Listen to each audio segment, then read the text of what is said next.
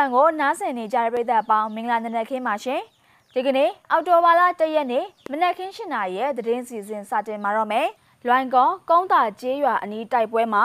စစ်ကောင်စီတပ်ဘက်ကအကြဆုံးများပြီးတော့အလောင်းများကိုတဲကမိုးပြဲဘက်ကိုထောက်ခါသွားပါတယ်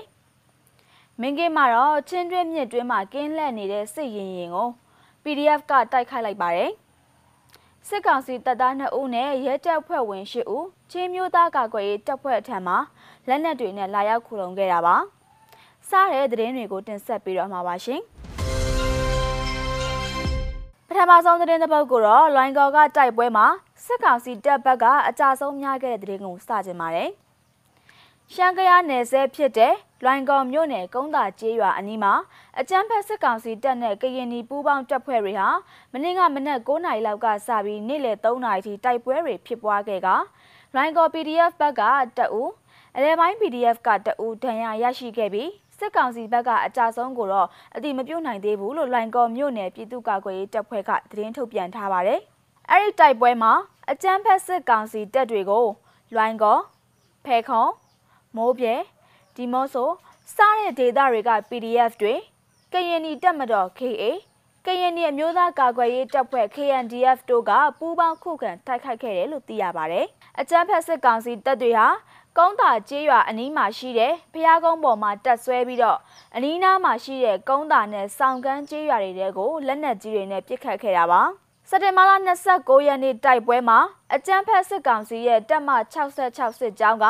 ကုန်းသာကျေးရွာအနီးကရင်နီပူးပေါင်းတပ်ဖွဲ့တွေရဲ့ပိတ်ဆို့တိုက်ခိုက်ခြင်းကိုခံရတဲ့အတွက်စစ်ကောင်စီဘက်က30ကျော်တေဆုံးပြီးနောက်ထပ်30ကျော်ဒဏ်ရာရရှိခဲ့တယ်လို့သိရပါတယ်။ ကြာဆုံးခဲ့တဲ့အလောင်းတွေနဲ့ဒဏ်ရာရသူတွေကိုတည်ဆောင်ပြီးတော့မိုးပြဲဘက်ကိုအင်အားတချို့နဲ့တက်ဆုပ်ခွာသွားတယ်လို့သိရပြီးတော့အဲ့ဒီတိုက်ပွဲမှာကရင်နီပူးပေါင်းတပ်ဖွဲ့ဘက်မှ6ဦးကြဆုံးသွားတယ်လို့ KNDF ထုတ်ပြန်ချက်အရသိရပါဗျ။စစ်ကောင်စီဘက်က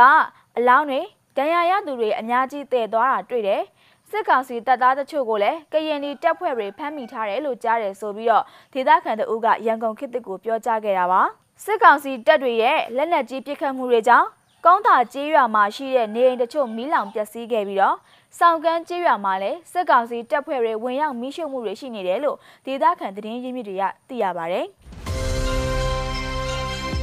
နောက်ထပ်သတင်းကတော့စကိုင်းကသတင်းမှာ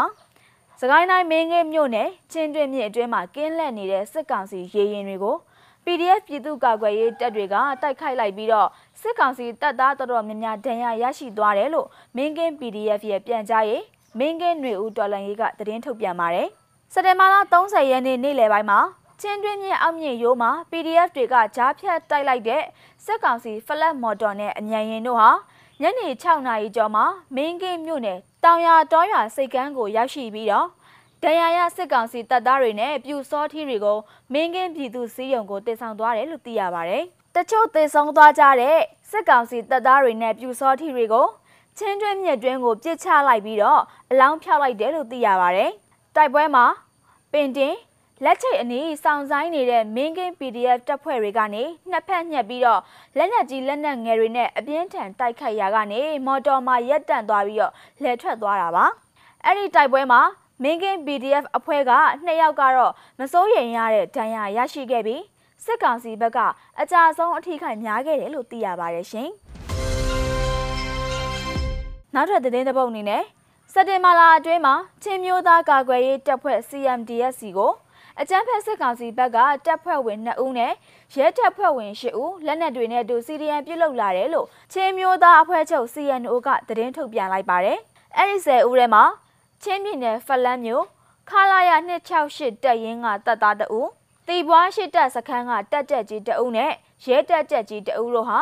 လက်နက်ပြည့်စုံတဲ့ချင်းမျိုးသားကာကွယ်ရေးတပ်ဖွဲ့စီ CDN ပြုတ်လုလာတဲ့အတွက်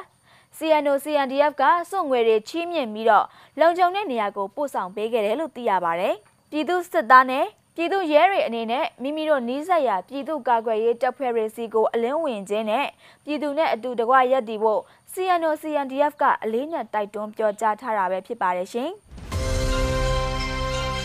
နောက်ဆုံးသတင်းတွေနဲ့တင်ဆက်ပေးချင်တာကတော့ တရုတ်ရွန်ငွေလဲနှုံစေမြင့်တက်လာတဲ့သတင်းမှာတရုတ်ရွန်ငွေလဲနှုံစေမြင့်တက်လာတာကြောင့်တရုတ်ပစ္စည်းတင်သွင်းရောင်းချရတဲ့ကုမ္ပဏီနဲ့ဈေးဆိုင်တချို့ပိတ်ထားရတယ်လို့ပစ္စည်းတင်သွင်းတဲ့မန္တလေးကလုပ်ငန်းရှင်တွေနဲ့ဝယ်ယူသူတွေကပြောခဲ့တာပါပြည်ရင်းစောက်လုပ်ရေးလုပ်ငန်းသုံးပစ္စည်းတွေဟာဆိုရင်တရုတ်ထုတ်ကုန်ပစ္စည်းကို60ရာခိုင်နှုန်းထိအသုံးပြုနေရတာဖြစ်ပြီးတော့လက်တလုံးမှာဈေးနှုန်းစက်တိုက်မြင့်တက်နေတာကြောင့်အယောင်းဝယ်တချို့ရပ်ဆိုင်းထားရတယ်လို့လုပ်ငန်းရှင်တွေကပြောပါတယ်အဝင်တော့မရှိဘူး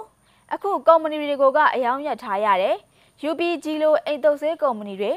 export တန်ကုမ္ပဏီတွေပိတ်တယ်။ဘိလက်မြေကဈေးတက်တာပဲရှိတာ။တရုတ်ကဝင်တဲ့ဟာတွေအကုန်ပိတ်တယ်။စောက်လက်ဆဟာတွေပစ္စည်းထပ်သွင်းရမှာကိုရပ်ထားပြီးတော့ရှိနေတာကိုသုံးတာလို့မန္တလေးမြို့အိမ်ဆောက်ပစ္စည်းရောင်းဝယ်ရေးလုပ်ငန်းရှင်တယောက်ကပြောခဲ့တာပါ။ရွှေစိမ်းနှုန်းမြင့်တက်မှုကြောင့်စောက်လုပ်ရေးလုပ်ငန်းသုံးပစ္စည်းတွေဖြစ်တဲ့ဘိလက်မြေတန်ထက်ပစ္စည်းတွေနဲ့အတူ တရုတ်ထုတ်ကုန်လူသုံးပစ္စည်းတွေဖြစ်တဲ့ပလတ်စတစ်သုံးဆောင်ပစ္စည်းတွေလည်းဈေးတက်လာတယ်လို့ဈေးကွက်ထဲကသတင်းရသိရပါတယ်။စက်တင်ဘာလ30ရက်နေ့မှာတော့မြန်မာကျပ်ငွေတသိန်းဟာတရုတ်ယွမ်ငွေ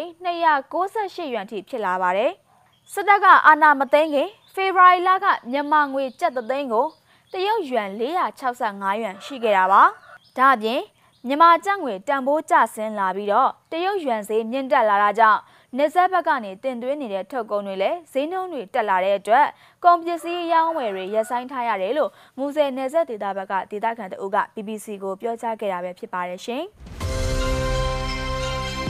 အော်တိုဘာလတရက်နေ့မနက်ခင်း၈နာရီထိနောက်ဆုံးရရှိခဲ့တဲ့သတင်းတွေကိုတင်ဆက်ပေးခဲ့တာပါ။ကြည့်ရှုနားဆင်ပေးခဲ့တဲ့အတွက်ကျေးဇူးတင်ပါတယ်။အားလုံးပဲကျမ်းမာရှင်လန်းတဲ့နေ့လေးတစ်နေ့ကိုပိုင်ဆိုင်ကြပါစေရှင်။